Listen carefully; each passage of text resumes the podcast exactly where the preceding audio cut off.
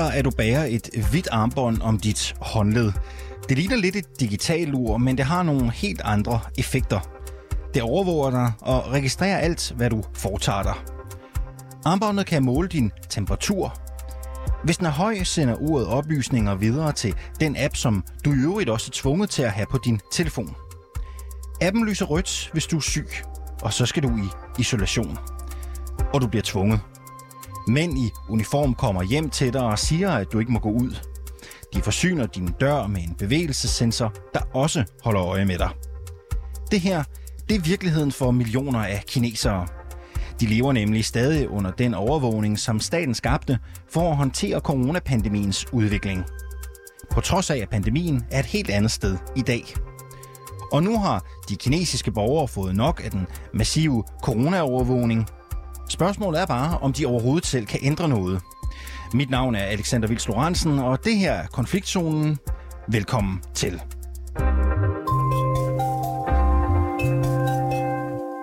Frederik Kelter, velkommen til programmet. Jo, tak. Du er dansk journalist, og du er bosat i Taiwans hovedstad Taipei. Og du har fulgt med i den massive corona-overvågning i Kina. Det har jeg. Og bare lige for at sætte det i perspektiv.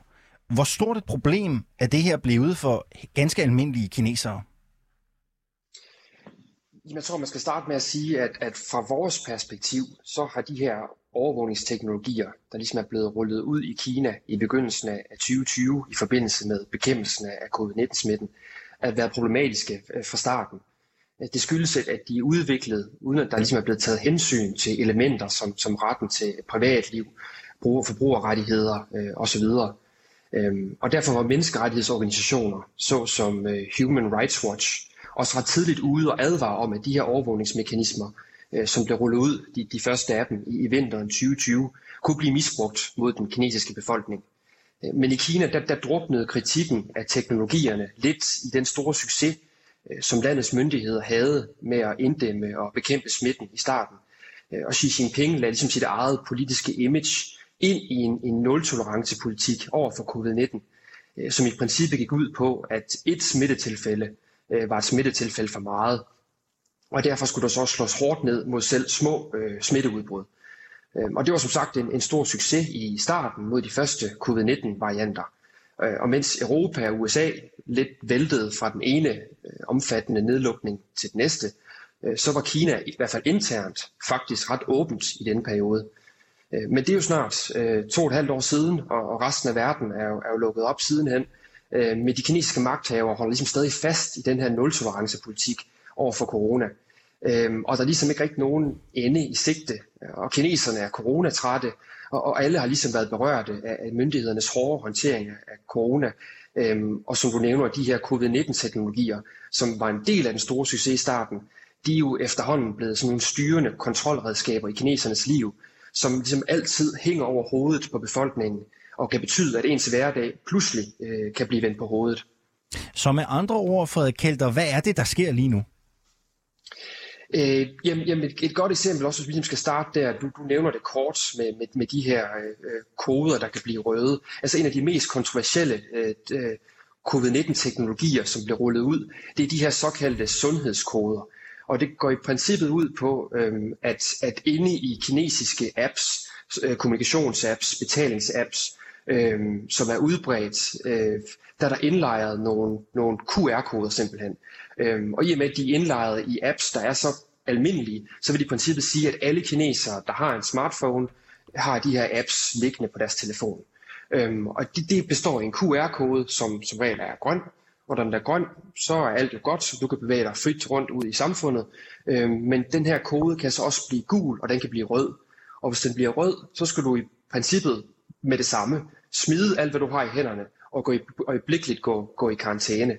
Øhm, og, og det er ligesom ikke helt gennemsigtigt, hvem er det, der trykker på knappen, der gør din kode rød, hvilke data er det, de sporer fra dig, hvad er det, der bliver registreret, og hvem er det, der egentlig styrer det netop fordi, som det øh, menneskerettighedsorganisationen advarede om i starten, så er der ikke ligesom indtænkt de her rettigheder ind i de her øh, redskaber.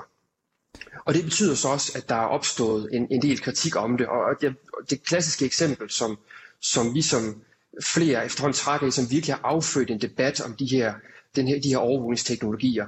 Det var en, en, en hændelse, der fandt, der fandt sted i, i det interne, det, i det centrale Kina øh, her i, i løbet af sommeren, hvor at der var nogle banker, der havde fortalt deres kunder, øhm, at de ikke længere kunne få adgang til deres midler i de her. Der var tale om, om tre banker, øhm, som så havde indforset deres, deres kunders øh, midler.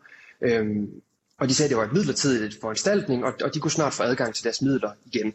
Men månederne gik, øhm, og de her bankkunder oplevede altså, at de stadigvæk ikke kunne få adgang til deres, deres penge. Og på et tidspunkt så fik flere af de her kunder, de fik simpelthen nok.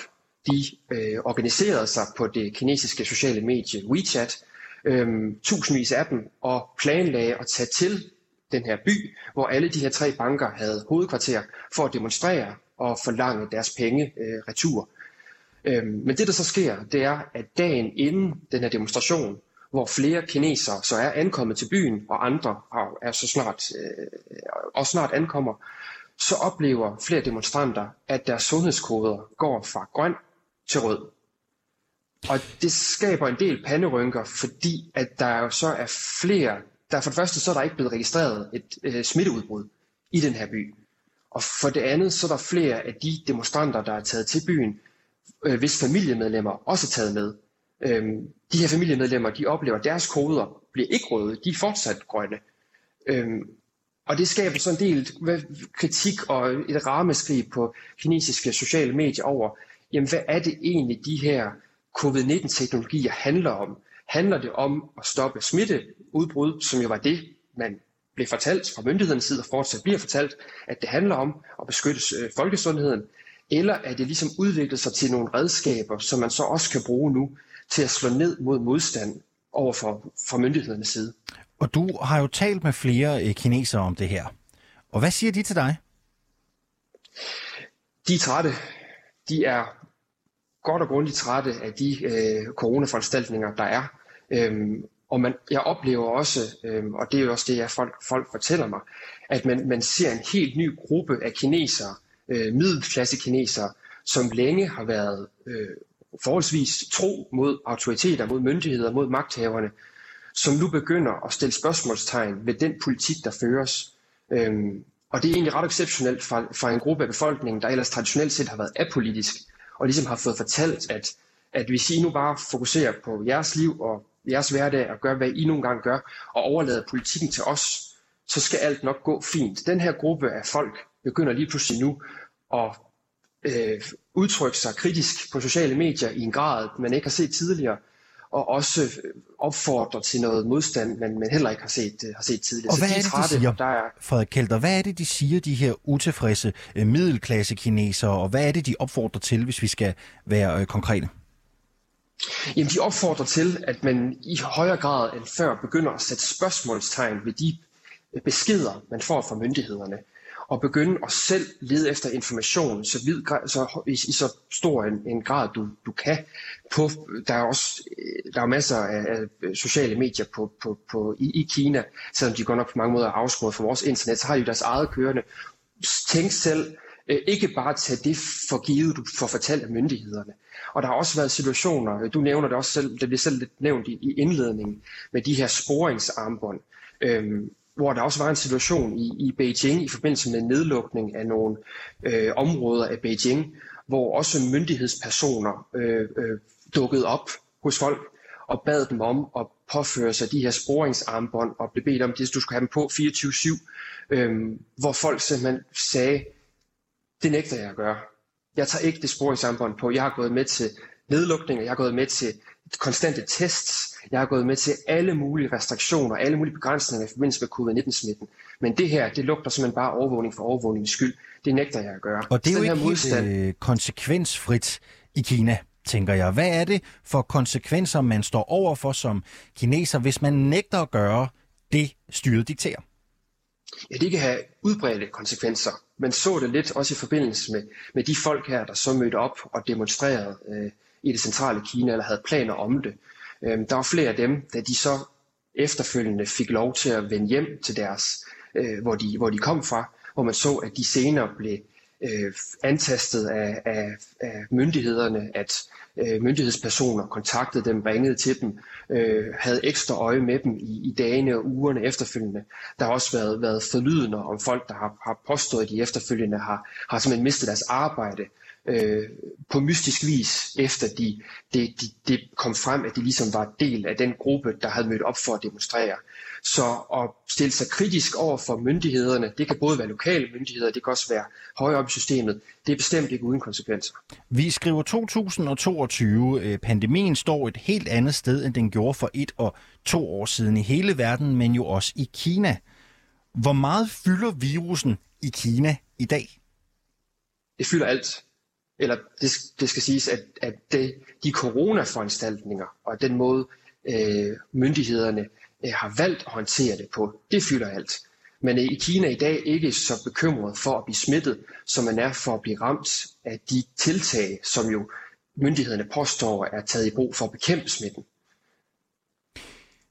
Hvis det er håndteringen, der fylder meget, og ikke selve sygdommen, øh, så kan man jo måske undre sig over, hvorfor overvågningen stadigvæk er så intens. Så det er jo det, der er det store spørgsmål, Frederik Kelter. Hvorfor bliver man i Kina ved med at benytte sig af den her overvågning? Det er der lidt to aspekter i. Det ene, sådan det, det sundhedsmæssige aspekt, øh, kører lidt på, at øh, i forbindelse med den kinesiske coronastrategi, øh, har man jo primært, også i forbindelse med vaccinerne, vaccineret befolkningen med kinesiske vacciner, øh, som har vist sig ikke at være lige så effektive som de vacciner, man har brugt i resten af verden. Der er tale om at en, en effektgrad på omkring 30% mod de nye coronavarianter, der er derude. Og samtidig så har øh, vaccineudrulningen ikke været særlig omfattende, især i forhold til den ældre del af befolkningen. Der er flere grupper af ældre, der kun har modtaget et stik.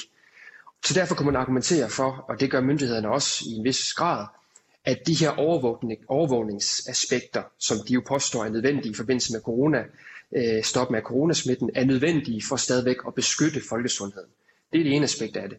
Det andet aspekt, det kører så i højere grad på, at Xi Jinping øh, og Kommunistpartiet, den øverste ledelse i, i Kina, har lagt så meget af deres politiske image og ry i den her nul-tolerance-politik over for corona. 突如其来的新冠肺炎疫情 对全世界是一次严峻考验。Så hvis man nu begynder at sige, at vi har begået en fejl eller træde tilbage, og smitten så begynder at rulle, så vil det ses som et kæmpe altså tab af et ansigtstab, et, et nederlag øh, for dem. Og i en periode nu her, som leder op til her i midten af oktober, øh, den 20. partikongres, som jo i princippet er øh, den største politiske begivenhed i Kina, og kun sker øh, en gang hver femte år, hvor man forventer, øh, at, Xi, at øh, Xi Jinping øh, at han får, eller tildeler sig selv, en, en tredje regeringsperiode, meget exceptionelt, der er det også ekstra vigtigt, at de politiske tiltag, de politiske strategier, som Xi Jinping har bundet sig op på, at de fremstår som en stor succes. Herunder også øh, nul-tolerancen over for, for corona. Men hvad er konsekvensen, hvis det ikke fremstår som en stor succes? Fordi man fristes jo til at tænke, at det betyder måske ikke det store for øh, Xi Jinping. Han, han ryger nok ikke. Nej, han, han ryger nok ikke, men, men i en, for en, en, en leder, som har centraliseret så meget af magten omkring sig selv, og som er så øhm, fokuseret på, hvordan han fremstår, hvordan hans image opfattes, så bare det at tabe ansigt i en sådan situation er enormt, øh, det, det, er ikke, det er ikke acceptabelt. Og samtidig med den utilfredshed, der så ligger, og den, den uro, der ligesom ulmer, er man også bange for, mener nogen, at hvis man nu begynder at trække i land og anerkende, at man har begået en fejl på de her punkter, at så kan man måske så også i sidste ende bare øh, feede den uro, der er, og befolkningen kan sige, se, I tog jo fejl. Vi havde jo ret. Myndighederne tager fejl. Og der man frygter man også, hvilke konsekvenser kan det så have ud af den lange bane. Øh, og hvilke konsekvenser kunne det være? Jamen det kan være, at, at den tendens, der allerede er i gang i øjeblikket, med at der er flere, der stiller spørgsmålstegn ved myndighedernes håndtering af, af corona, og, og, og simpelthen spreder sig til, jamen, jamen hvad ellers?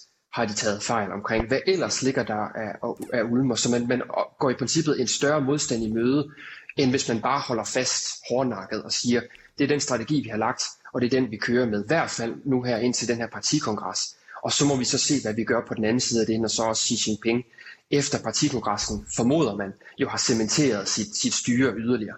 Og lad os prøve at blive ved det der, Kælder, for hvis vi er enige om, at Xi Jinping jo nok ikke bliver øh, væltet, øh, hvis øh, nogen skulle indse, at coronahåndteringen i Kina har været forkert, hvad er det så, han frygter, der sker, hvis han ikke bliver ved med at masseovervåge? Altså, hvad er worst case scenario? Er det at blive gjort til grin øh, nationalt eller internationalt, eller hvor er det, frygten ligger? Jamen, jamen det ligger egentlig i mere end det, også fordi i øjeblikket, øh, når man tænker, snakker Kina og udfordringer i Kina, er det jo ikke bare et spørgsmål om den udfordring, som covid-19 øh, præsenterer, og de effekter, det har haft. Der ligger flere udfordringer for Kina i øjeblikket og ulmer, både økonomisk, øh, geopolitisk, demografisk. Man ser i, i Kina i øjeblikket, øh, at den, den 40-årige vækst, der jo har defineret det kinesiske økonomiske mirakel, er ved at tabe pusten. Ungdomsarbejdsløsheden er op på 20 procent, hvilket er øh, historisk. Øh, og man ser en, en, en spirende boligboble, der ligger og, og, og ulmer, hvor at man regner med, at kinesiske bygge, byggemastodonter har forbygget sig øh, i, en, i en grad, hvor 50 millioner boliger står tomme i Kina, og hvor igen et eksempel på modstand, at flere og flere kinesiske boligejere, der har investeret i ejendom, som endnu ikke er blevet bygget, i øjeblikket i tusindvis nægter at betale tilbage på deres boliglån, øh, fordi at man ikke længere har tillid til nogle af de her byggefirmaer, at de rent faktisk får dem afleveret. Så, så der ligger en masse ting ligesom at ulmer dernede, så begynder man nu at slække på overvågningen, eller, eller covid-19-forstanden for den sags skyld, så frygter man så, at, at folk i højere grad kan organisere sig, og kan man ikke få kontrol med den organisering, øhm, så frygter man for konsekvenserne. Her kan overvågningen jo også, som så egentlig startede i forbindelse med covid-19, men så senere har udviklet sig jo være en, en, en hjælp for myndighederne til at undgå, undgå modstand og slå ned mod organiseringer, der måtte opstå. Du siger i det her interview, at øh, de særdeles kritiske, det er middelklasse kineserne. Men hvad med folk højere oppe i hierarkiet? Er der nogen i de højere øh, politiske, samfundsmæssige luftlag, som tør reagere? Muligvis, men det er ikke noget, vi får lov at se fra offentlighedens side. Det er sådan noget, man holder internt i Kommunistpartiet bag lukkede døre.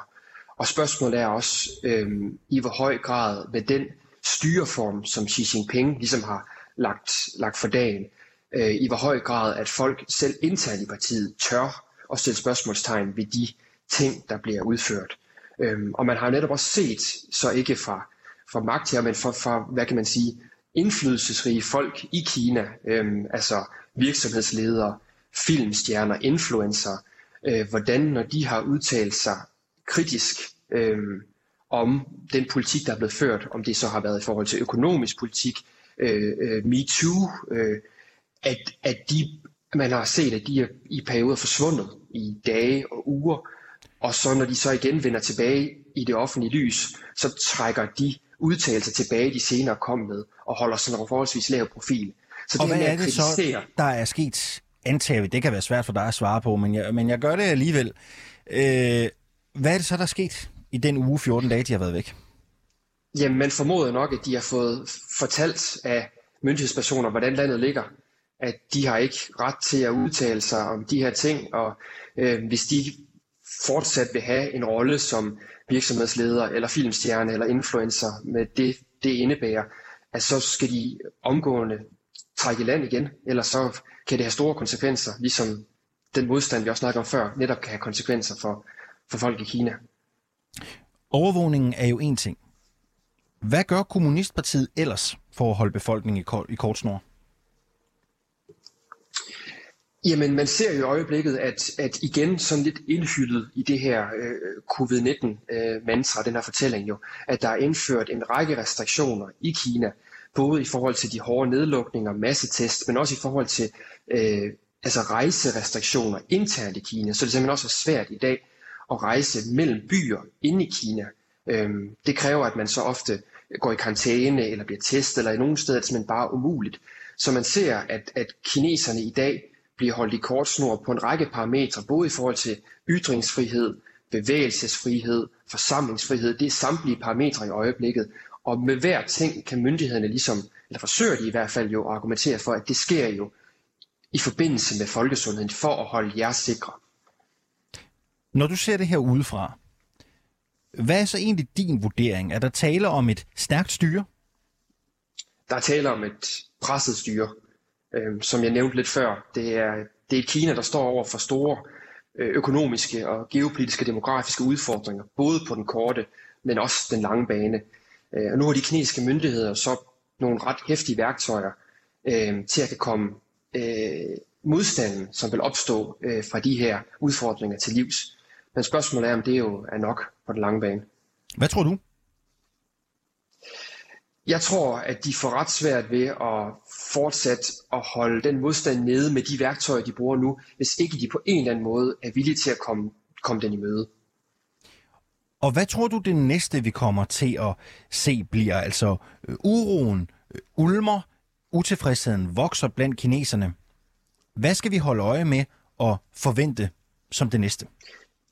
Vi skal holde øje med, hvad der sker efter partikongressen fra i midten af oktober, om ligesom at der bare bliver lukket helt ned nu her for at holde ro og stabilitet og skabe det her image om en Kina, der er i fred og i balance frem til den øh, kongres, og man så ligesom tager hånd om problemerne og agerer måske lidt mere øh, lydhør og slækker lidt på nogle af de her øh, stramme kontrolmekanismer efterfølgende, når ligesom alting er faldet på plads, eller om man efter kongressen holder fast i nøjagtigt de samme kontrolmekanismer. Det bliver spændende at se.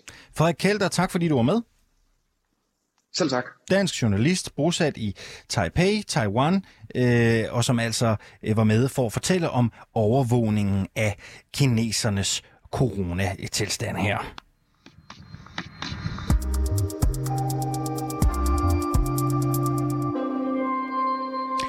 Du lyttede til dagens afsnit af Konfliktzonen 24-7's udlandsmagasin.